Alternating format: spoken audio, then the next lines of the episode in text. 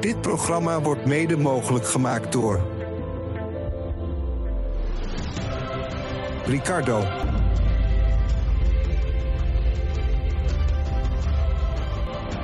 Fearless Generation.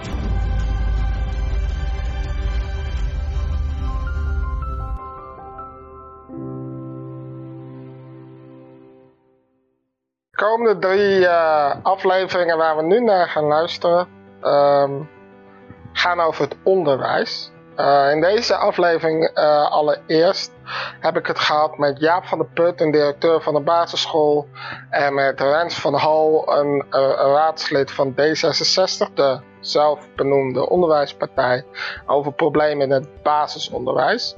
Een interessant gesprek. Dit was ten tijde van de lerarenstakingen van uh, 2000, uh, eind 2019.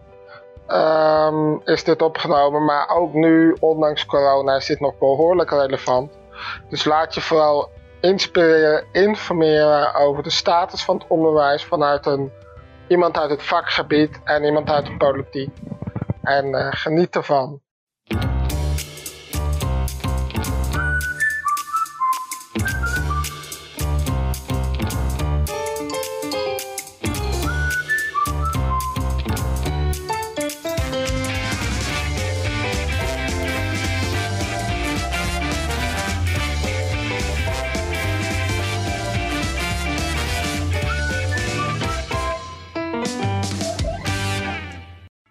Jaap van der Put, uh, zoals ik net al zei, directeur van de Punt Floris gewoon Papendrecht. Uh, allereerst met de laatste staking, hebben uw leerkrachten daar ook aan meegedaan? Ja, onze leerkrachten hebben ook uh, daaraan meegedaan. Het merendeel van de collega's stond gewoon achter de actie en dan hebben wij als leiding van de school ook bepaald van dan gaan we gewoon met heel de school dicht. Collega's die bereid waren om nog gewoon wel even werkzaamheden te doen, hadden voldoende administratie en andere dingen om in school te doen. En anderen zijn uh, richting Rotterdam gegaan of hebben thuis inderdaad uh, gewoon de staking gevolgd. En hoe hebben de ouders bij u op school gereageerd op die staking? Nou, je merkt toch dat er in de publieke opinie gewoon eigenlijk door ouders ook gezien wordt van wat het belang is om op te komen voor eigenlijk hun jeugd en hun kinderen die nou ja, een, een goed, goede toekomst tegemoet moeten gaan. Dat betekent dat daarin onderwijs een heel belangrijk facet is om in onze uh, westerse Nederlandse maatschappij, zeg maar, later ook van waarde te kunnen zijn. En dat ja, zij volledig achterstaan achter de acties die er in het onderwijs zijn. Om ook de overheid zover te krijgen dat zij zeg maar ook de leerlingen als een topprioriteit gaan zien. Oké, okay, en dan vraag ik me gewoon af, want de leerlingen een topprioriteit wordt, maar Rutte natuurlijk ook geregeld zeggen. Uh, wat, wat, is nou het grootste probleem waar u tegenaan loopt ten aanzien van de onderwijscrisis op je school? Nou, je merkt dat uh, vooral natuurlijk de jonge aanwas van nieuwe leerkrachten, zeker in PABO's de laatste jaren, steeds verder achteruit gaat. Dat heeft toch te maken ook met de status van het beroep. Eh, afgelopen week is er bekend gemaakt dat eigenlijk de sector, de beroepssector in het onderwijs, eh, heel veel plezier ervaart eh, zeg maar met het werk in het onderwijs. Ze hebben vol passie, willen ze de kinderen verder werken en doen dat met collega's die ook allemaal gepassioneerd zijn, er hard voor gaan, vol enthousiasme en leiding ervaren die daar heel veel oog voor heeft om hen daarbij te ondersteunen en te helpen. Maar op het moment dat er te weinig mensen zijn en dat, uh, andere, uh, dat klassen soms overgenomen moeten worden, dat klassen te groot gemaakt moeten worden, uh, dat er vanuit de maatschappij ook natuurlijk steeds meer over eigenlijk de deuren van het klaslokaal gegooid worden om problematieken die in de maatschappij zijn al van jongs af aan aan te pakken, nieuwe vakken daarin te geven, maar ook elk kind zoveel mogelijk individueel goed te te helpen, te begeleiden en zo weinig mogelijk kinderen richting het speciaal basisonderwijs of speciaal mhm. onderwijs. Uh, ja, dat geeft zo'n spanningsveld dat je daarvan zegt van uh, daar zul je ook middelen voor moeten geven. En daar zul je mensen ook, uh, de collega's ook gewoon voldoende waardering en salariering voor moeten mhm. geven. En, en welke specifieke problemen worden er dan echt naar, naar de, de klas toegegooid, zeg maar? Nou, als je kijkt dat uh, als een kind zich wat minder goed ontwikkelt, dan is het al heel veel of heel snel dat ouders uh, op de stoep staan, uh, eisen eigenlijk of vragen dat er gewoon wat er aan gedaan wordt. Ehm, veel meer proberen het, nou, het aapje weer op de schouder van de leerkracht te leggen, terwijl het een samenspel is uh, tussen ouder, school en vooral ook het kind zelf. Het kind moet eigenaar zijn van zijn leren. En daar moet, ook, nou ja, in, daar moet je het kind dus ook in stimuleren dat hij zijn eigen verantwoordelijkheid daar een stuk oppakt. Uh, daarnaast zei ik al, door passend onderwijs, waar eigenlijk wat minder middelen of te weinig middelen voor naar het onderwijs zijn gegaan, mm. betekent ook dat kinderen die nou ja, toch wel een bepaalde mate van begeleiding nodig hebben, heel veel tijd van de leerkracht vragen en vergen. En dat daarmee niet altijd alle aandacht aan andere kinderen gegeven kan worden. Dat is wel eens frustrerend ook. Dat geeft ook stress bij leerkrachten. Uh, want ze willen er voor elk kind zijn. En niet alleen voor die drie, vier kinderen die uh, zeg maar, uh, nou ja, wat meer problemen hebben op het gebied van gedrag of van leerproblemen. en daarvoor zouden ze graag extra handen in de klas ook willen hebben. Om die kinderen nog beter te kunnen helpen. Maar daardoor ook de andere kinderen in de klas zitten. Gewoon ook de aandacht te geven die zij ook toekomen. Ja, en ik hoorde je net al beginnen inderdaad ook met de status van de leerkracht die natuurlijk wat, wat, wat minder is en eh, extra handen in de klas. Nou ja, eh, dat lijkt mij 1 en 1 is 2. Hoe kunnen we die status dan verbeteren? Hoe, hoe, doet u dat bij u op school bijvoorbeeld? Om de status van de leerkracht nou ja, in Papendrecht, onder Papendrecht is bijvoorbeeld te verbeteren? Dat... Nou, ten eerste eh, moet je natuurlijk met de leerkrachten samen gewoon blijven scholen, zorgen dat je je kwaliteit biedt, waardoor ook ouders gewoon zien van er staan mensen die met passie niet alleen voor de klas staan, maar die ook uh, de kunde, deskundigheid hebben om met hun kinderen om te gaan. Uh, waardoor het vertrouwen ook gewoon groeit en waardoor ook het aanzien groeit. Mm. Aan de andere kant moet het ook zo zijn dat uh, nou ja, de pabo's moeten inspelen op zeg maar de, de specifieke doelgroep uh, jongens, meisjes. Hè. Uh, op het moment dat je iemand in een pabo al binnen laat komen en die heel duidelijk voor het oudere kind kiest, waarom zou die langere tijd ook met jongere kinderen daar op zo'n mm. opleiding? dan merk je toch dat er heel wat studenten afhaken op dat moment. dus zorg ervoor dat je goed ook kijkt naar competenties van beginnende leerkrachten om, en studenten om daarop aan te sluiten en ze te helpen. Uh, en we zullen gewoon ook heel duidelijk, en dat doe ik als directeur ook, van uh, we zullen ouders soms ook heel duidelijk uh, terecht moeten wijzen van dat er op een bepaalde manier met elkaar gecommuniceerd wordt. En dat je niet zomaar dingen kunt eisen omdat het, zeg maar, het prinsje of prinsesje van jou toevallig hier in deze school mhm. zit, maar dat je in een groep zit, dat je met elkaar als samenleving ook moet zien van hé, hey, hoe kun je de groep verder brengen? En natuurlijk is er aandacht voor het individuele kind, maar het is niet zo dat de focus alleen maar op het individuele kind hoeft te liggen. Inderdaad. Uh, sowieso uh, inderdaad heel belangrijk. Uh, ik, nee, ik, kom heel eventjes bij Rens van Hal van D66 hier in Papendrecht. De onderwijspartij, althans, zoals ze het zelf heel graag noemen en ja, benoemen. Uh, we luisteren hier zo naar Jan van der Put. Ik ben allereerst gewoon benieuwd, uh, hoe luistert u naar dit verhaal en de problemen? Herkent u zich hierin? Of? Nou ja, heel veel uh, wat Jaap zegt, dat kan ik onderschrijven. ik denk met name de verwachtingen die ouders hebben van hun kind, die zijn heel erg hoog gespannen. ieder kind moet leuk, aardig, vriendelijk, sportief, hbo doen enzovoort. En niet ieder kind kan daar aan voldoen en volgens mij hoeft ook niet ieder kind daar aan te voldoen. Een uh, vriend van mij die werkt bij uh, uh, Julius met autistische kinderen. Hij zegt, kinderen zijn niet het probleem, de ouders zijn vaak het probleem. Die verwachten gewoon veel te veel van hun kinderen. En ik denk, kijk, D66 staat ervoor dat iedereen de mogelijkheid moet hebben om zichzelf te ontplooien op de manier dat hij wil of zij mm. wil. En daar heb je goed onderwijs voor nodig. Maar dat betekent niet dat ieder kind naar HBO moet. Dat betekent ook dat kinderen zich heel goed kunnen ontwikkelen in de techniek, of heel goed kunnen ontwikkelen in de zorg, op MBO-niveau, op LBO-niveau. Al die mensen hebben we nodig. En je ziet nu een enorm tekort aan uh, mensen in de MBO op uh, techniek. We zitten voor een enorme energietransitie. Maar we hebben straks geen jongens en meisjes die die warmtepompen en de, al die andere techniek die we daarvoor nodig hebben kunnen installeren. Mm. Dus ik denk wat dat betreft zouden ouders ook, en we zien het in de jeugdzorg ook, hè, als er uh, ja. dwars zit, dan hollen we naar de jeugdzorg of naar de onderwijzer van los mijn ja. probleem op. Ik denk dat er veel meer verantwoordelijkheid ook richting de ouders moet uh, gaan. Van, zij moeten de kinderen opvoeden en daarop is de jeugdzorg en het onderwijs een, eh, een aanvulling. En niet waar we nu mee bezig zijn, het omdraaien. Ik, ik vind het een heel mooi uitgangspunt, maar dan vraag ik me wel iets af natuurlijk. Als onderwijspartij, uh, uh, begin dit jaar, of halverwege dit jaar was er natuurlijk de onderwijsbegroting. En tenminste, hoe keek u als, als plaatselijke D66 naar het feit dat, nou ja, vergeten is misschien een heel groot woord, maar ja, dat ze het onderwijs een beetje vergaat in het geld. Nou, D66 is onderwijs niet vergeten, alleen dat heeft meer te maken met hogere politiek. En het gaat erom, uh, als je een begroting samenstelt met verschillende ministeries. Het geld is natuurlijk, uh, ondanks dat we in Nederland behoorlijk wat geld hebben op de begroting, is het geld beperkt. Mm -hmm. En dan gaat het erom, hoe zorg je ervoor dat je het meeste voor jouw onderwerpen naar binnen krijgt. En dat gaat niet altijd goed. En op het moment dat je de vraag stelt, dan moet je wat anders inleveren, dan ga je uitruilen. En in dat politieke spel is het niet helemaal uh, goed Gaat het niet goed of ging het behoorlijk fout als onderwijspartij uh, zijn? Nee, het gaat niet behoorlijk uh, fout. er gaat, gaat ruim geld naar het onderwijs. En we hebben dan natuurlijk met die laatste maatregel rond de 500, 600 miljoen hebben we dat ook goed gerepareerd.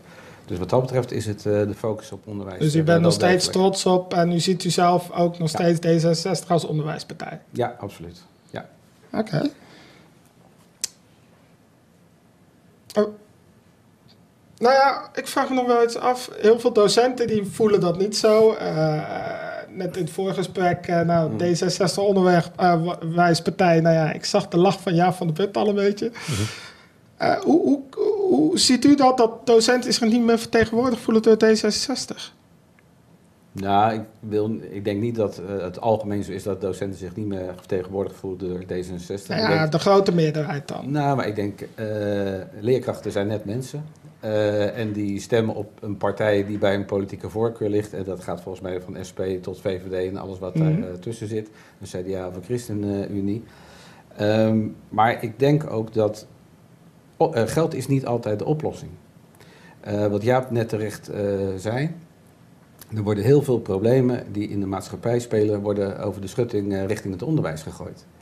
En uh, we hebben ook uh, het onderwijs veel te ingewikkeld gemaakt. Er liggen heel veel zaken bij de onderwijzer die er vroeger niet lagen. Mm -hmm. Mijn beide ouders waren, zaten in het onderwijs. Mijn moeder was kleuterlaatst en mijn vader was directeur van de basisschool.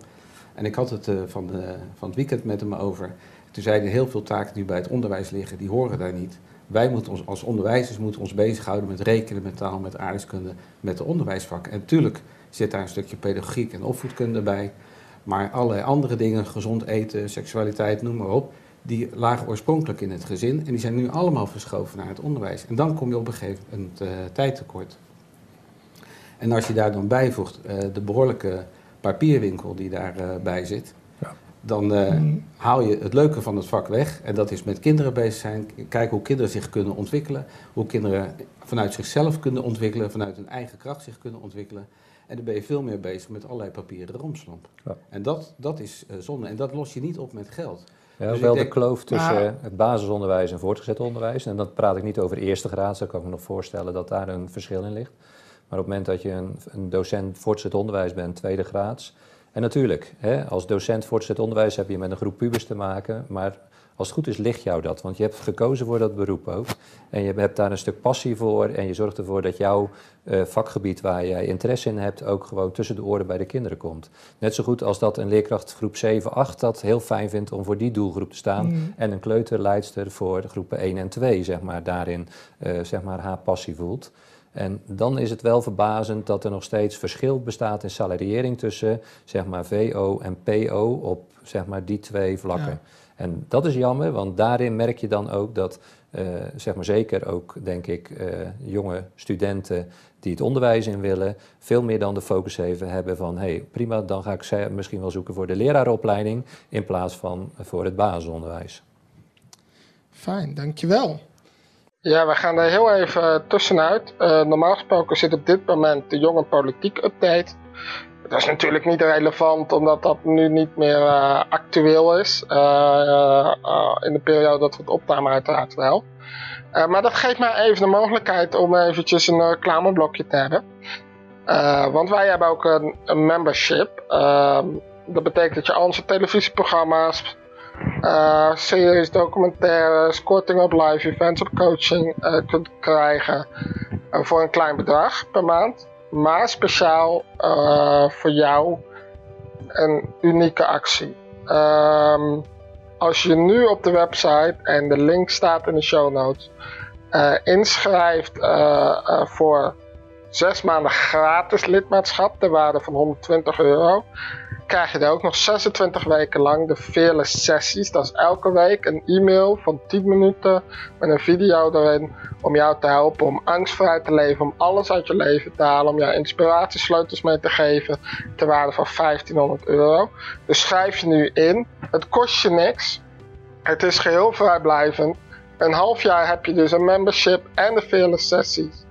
En je hoeft alleen maar je voornaam, achternaam en e-mailadres achter te laten. Dus ik zou zeggen, grijp deze kans. Dan heb je en deze geweldige podcast.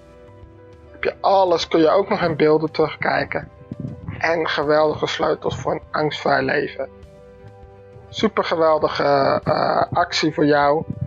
En uh, voor nu laten we teruggaan naar de podcast. Waarin ik uh, nog steeds in gesprek ben met Jaap van der Put en Rens van der Hal. Ik, uh, ik heb natuurlijk nog even twee stellingen, want ik ben natuurlijk wel even nieuwsgierig hoe jullie erin staan. En voel me gewoon vrij om, uh, om erop te reageren. Nou ja, ik, ik, had het er net al een beetje over, dus ik gooi hem eerst even naar Jaap toe. D66 heeft het vertrouwen van docenten als onderwijspartij volledig verspeeld verloren.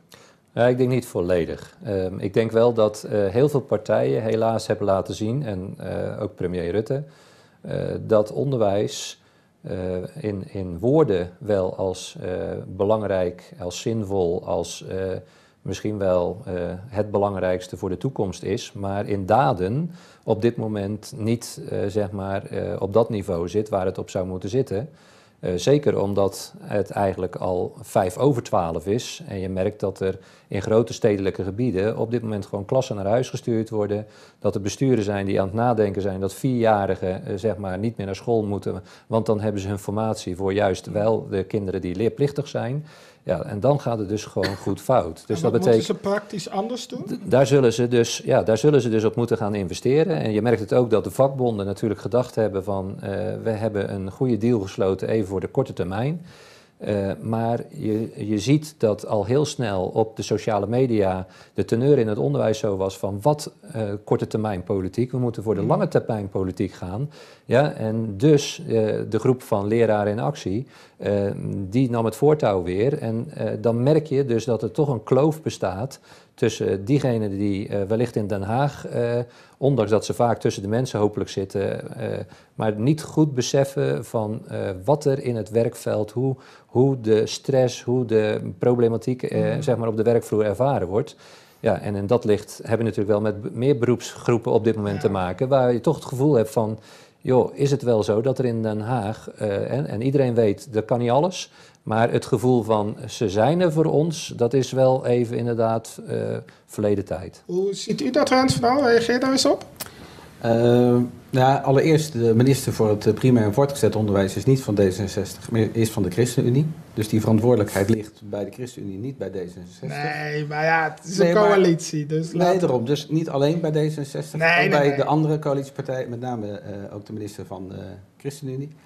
Uh, en natuurlijk hebben we een enorme verantwoordelijkheid. Natuurlijk moeten leerkrachten goed worden betaald, de baan moet aantrekkelijk zijn. Maar nogmaals, dat ligt niet alleen in het geld. Maar waar ligt dat dan wel in? Wat, wat nou, zijn nou specifieke wat... punten die u ziet als, als lokale D66er? Nou, stel dat object hier nou vandaag zou zitten tegenover u en die zegt: Hé, hey, luister Rens, geef mij eens even wat praktische tips hoe ik dat onderwijs voor lange termijn, zoals Jaap dat zo mooi zegt, kan verbeteren. Wat nou zou ja, u tegen was, hem zeggen? Nou ja, was het maar zo simpel zoals ik al zei, mijn ouders zaten ook in het onderwijs. En toen zij in het onderwijs zaten, was er vanuit de ouders veel meer respect voor de onderwijs en voor het onderwijs. Werden kinderen op een andere manier opgevoed dan dat ze tegenwoordig uh, worden opgevoed. Uh, dus er ligt wat dat betreft ook een uh, maatschappelijke uitdaging. Daarom zei ik al, natuurlijk moet onderwijzers een goed salaris krijgen. Natuurlijk moet er voldoende geld naar onderwijs. Sterker nog, er moet veel meer geld naar onderwijs huisvesting. Want daar ligt ook nog een enorme mm. opgave. Maar geld alleen is niet de oplossing. Op maar wat is dan die maatschappelijke uitdaging? Dat ouders weer, en niet, ik generaliseer nu, dat is natuurlijk niet, uh, niet zo, maar ouders moeten meer verantwoordelijkheid nemen voor hun kinderen. Hun kinderen thuis opvoeden, niet alles, en dat geldt ook voor de politiek, ook de schutting van het onderwijs uh, gooien. Uh, en accepteren uh, wat een kind wel kan en wat een kind niet kan. En kijken naar de talenten van het kind.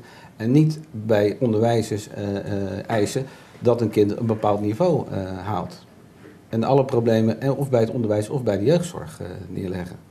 Er ligt een, de primaire verantwoordelijkheid voor je kinderen ligt bij de ouders zelf. Dus een stukje respect eigenlijk. Uh. Respect en ook verantwoordelijkheid nemen voor je kinderen. En zorgen dat je kinderen goed opgevoed naar school gaan. Zodat de onderwijzers daar verder mee kunnen. En ze, primair is het onderwijs om een kind te, te leren aardrijkskunde, taal, rekenen, geschiedenis. Om echt onderwijs te geven. En je ziet nu dat heel veel van die tijd gaat naar hele andere onderwerpen. Waar het onderwijs oorspronkelijk niet voor was bedoeld. Ziet u dat ook zo? Uh, kunt u zich daarbij aansluiten? Qua opvoeding en qua respect, uh, dat dat heel erg zou helpen? Kijk, deels. Um, als je gaat kijken, dan was vroeger natuurlijk uh, ons onderwijssysteem veel meer inderdaad bepaalde kennisoverdracht. Als je gaat kijken naar de toekomst, die slag moeten wij ook met elkaar zijn we die aan het inzetten in het onderwijs. Is kennis natuurlijk heel veel te vergaren momenteel door de kinderen zelf op, via de digitale weg is veel, meer, veel minder feitenkennis allemaal iets, maar is veel meer uh, het leren leren, het motiveren, het zorgen dat je samen kunt werken, kritisch denken. Uh, dus daarin zullen we wel keuzes ook in het onderwijs moeten maken. Om die dingen die dan wel van belang zijn om in het basisonderwijs ook echt aan de kinderen uh, te geven. Dat we dat op een, een manier doen die zeg maar eigen tijds is, maar ook toekomstgericht. Dat men gemotiveerd blijft. Omdat er straks, nou ja, als zij straks naar het voortgezet onderwijs gaan, als straks in de beroepen moeten komen, dan is de helft van de beroepen die uh, zeg maar zij nu voor ogen hebben, zijn verdwenen. Daar zullen ze dus uh, ook moeten leren, omdat de maatschappij niet meer zo statisch is als in het verleden. Mm. Hè, zoals wij dat destijds wellicht hè, al enigszins hebben ervaren, die ommekeer, dat dat nog veel dynamischer gaat worden. Dus het motiveren van kinderen en het leren leren, het, dat is wel een hele belangrijke essentie ook die we met elkaar in het onderwijs ook nog zeg maar te maken hebben. Oké, okay, het verlengde daarvan meteen. Uh, stelling 2, die gooi ik eerst uh, naar jou toe, Rens. Uh, het is onmogelijk om genoeg leerkrachten te vinden in het basisonderwijs als de PABO niet hervormd wordt.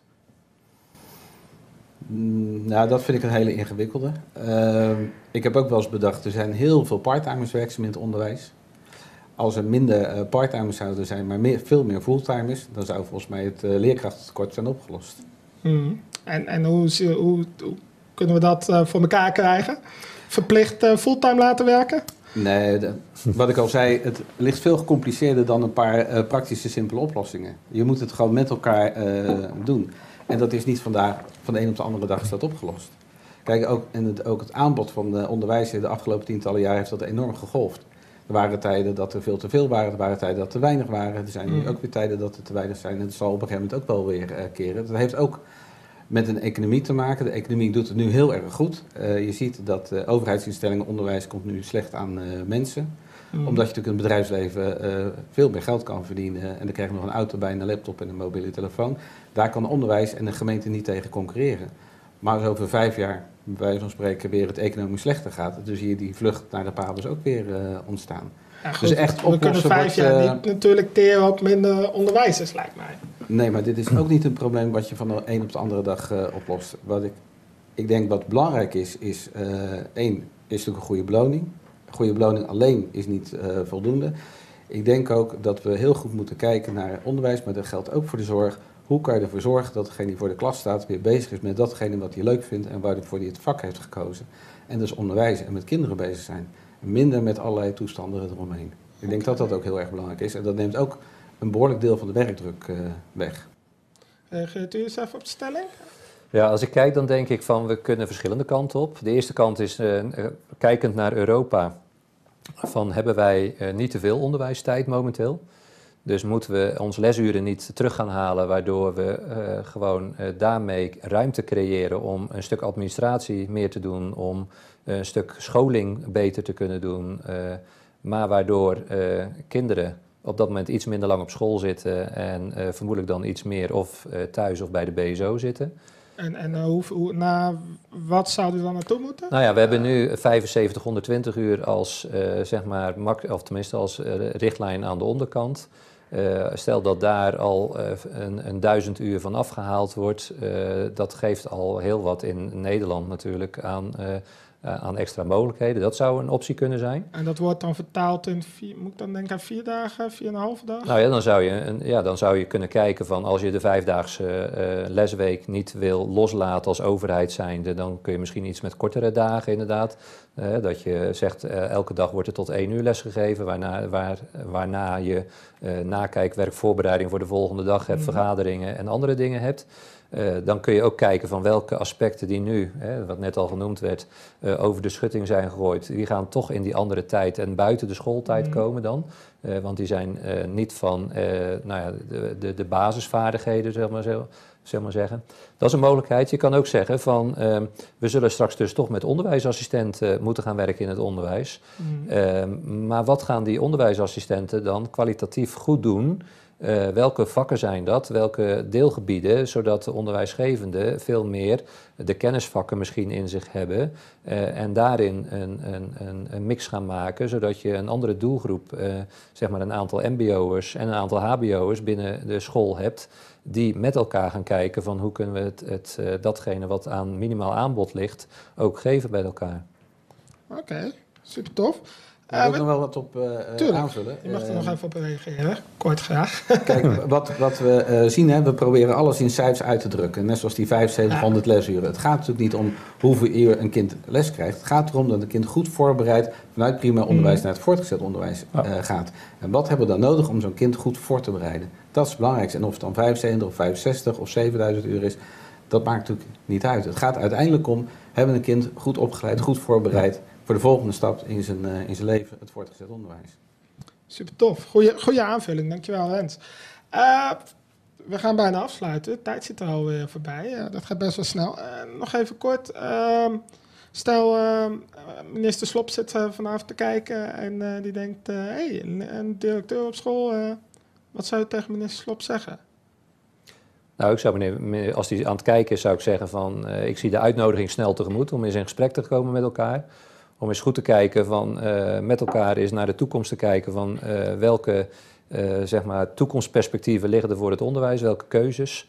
Om daar serieus met elkaar aan tafel te zitten. Maar ik denk dat dat als eerste stap moet zijn van op welke wijze kunnen we, al is het maar een klein stukje structureel geld, zeg maar voor het basisonderwijs, voor de salarissen van de collega's krijgen. Om in ieder geval daar een stuk waardering terug te krijgen en dat we daarin hopelijk met, eh, nou ja, de inspanningen van D66 als partij erachter, eh, dat daarin ook weer een stukje win-win situatie voor een eh, hoop, zeg maar, voor de minister is, voor een politieke partij die altijd voor het onderwijs klaargestaan heeft en voor de mensen in, in het veld inderdaad het, een win-situatie is. Oké, en eh, nou ja, dan eh, wil ik u ook nog wel de ruimte geven. Er zitten natuurlijk heel veel leerkrachten te kijken. Ja. Die, nou ja, wat ik zei, wellicht een beetje teleurgesteld zijn in D66.